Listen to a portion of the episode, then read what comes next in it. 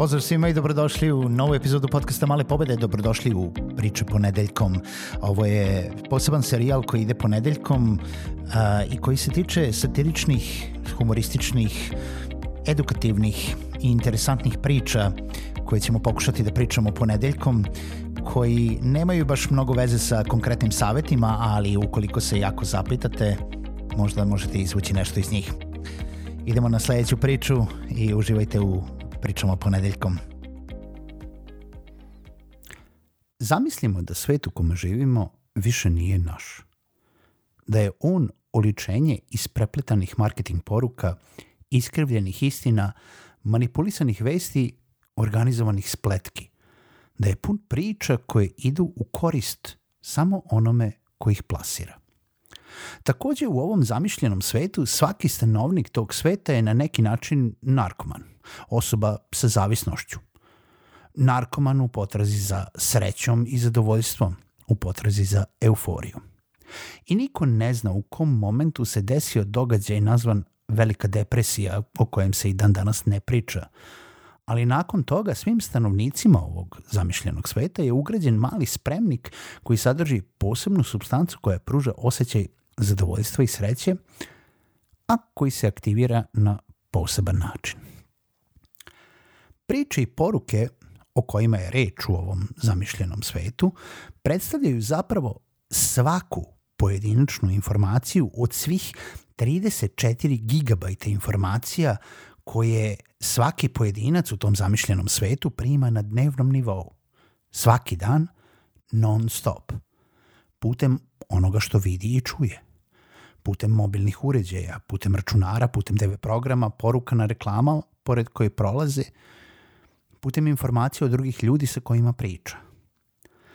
I te informacije nisu vezane za interese samo jedne grupe ljudi. Ne pričamo ovde o politici, ipak pričamo o nekom zamišljenom svetu. Ne pričamo zapravo ni o jednoj specifičnoj stvari, pričamo o svemu. U ovom zamišljenom svetu zapravo ništa nije istinito niti iskreno. Ni najnovije vesti, ni izveštaj o poslednjim trendovima, ni vremenska prognoza, ni reklame o nekom proizvodu, ni poslednji post vašeg prijatelja na Facebooku, a nije istinit ni post koji stoji u draftu vašeg Instagram naloga ovog trenutka. Nije istinit niti iskreni poslednji komentar koji je ostavljen ispod jednog posta na Facebooku i koji je verovatno smišljan i osmišljavan nekoliko puta, pisan, prepravljan i pregledan pre nego što je konačno i kliknuto na to dugme da se on objavi.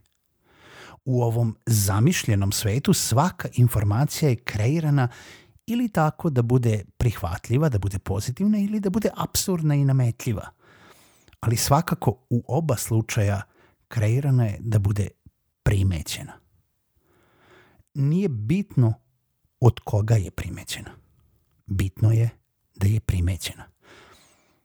Nije ni bitno da li je reakcija nakon primećivanja bila pozitivna ili negativna. Bitno je da je informacija primećena. I u tom momentu, u ovom zamišljenom svetu, oni mali spremnici ugrađeni kod svakog stanovnika ovog sveta, napunjeni dozama substance koja izaziva zadovoljstvo i sreću, reaguju na svaki share, like, dislike, komentar, pregled, preporuku, pominjanje, plasiranje, page rank, analitiku, konverziju, prodaju ili upit.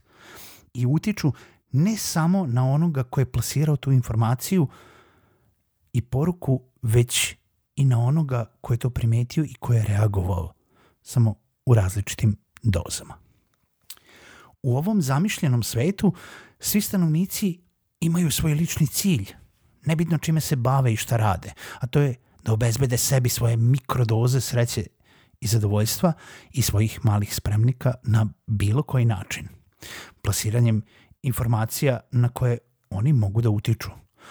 Pa ako i u nekom slučaju njihova informacija možda nije od značaja, to ne znači da svoje doze ne mogu dobiti širenjem ili reagovanjem na nečiju drugu informaciju. Kako to biva kod osoba sa zavišnošću, u početku je sve to bilo neivno, pa čak i iskreno. podelit ćemo informacije od značaja, koje su bitne, koje su istinite i koje znače. Ali nakon nekog vremena, nakon toliko informacija, nije više dovoljno samo ono što je oko nas da bi bilo primećeno. Tu nastaje onda kreativa u najširem smislu te reči. Od toga da vas primete prijatelji i drugari, do toga da vas primete poslodavci, do toga da uspete u poslovanju kao biznis, do toga da vas primeti vaša publika i klijentela, pa sve do toga da imate uticaja na druge živote. Sve to dovodi do onoga što smo rekli na početku naše priče. Zamislimo da je svet u kome živimo više nije naš. Svet koji je oličenje isprepletanih marketing poruka, iskrivljenih istina, manipulisanih vesti i organizovanih spletki. Zamislite šta bi bilo potrebno da promenite ovaj zamišljeni svet.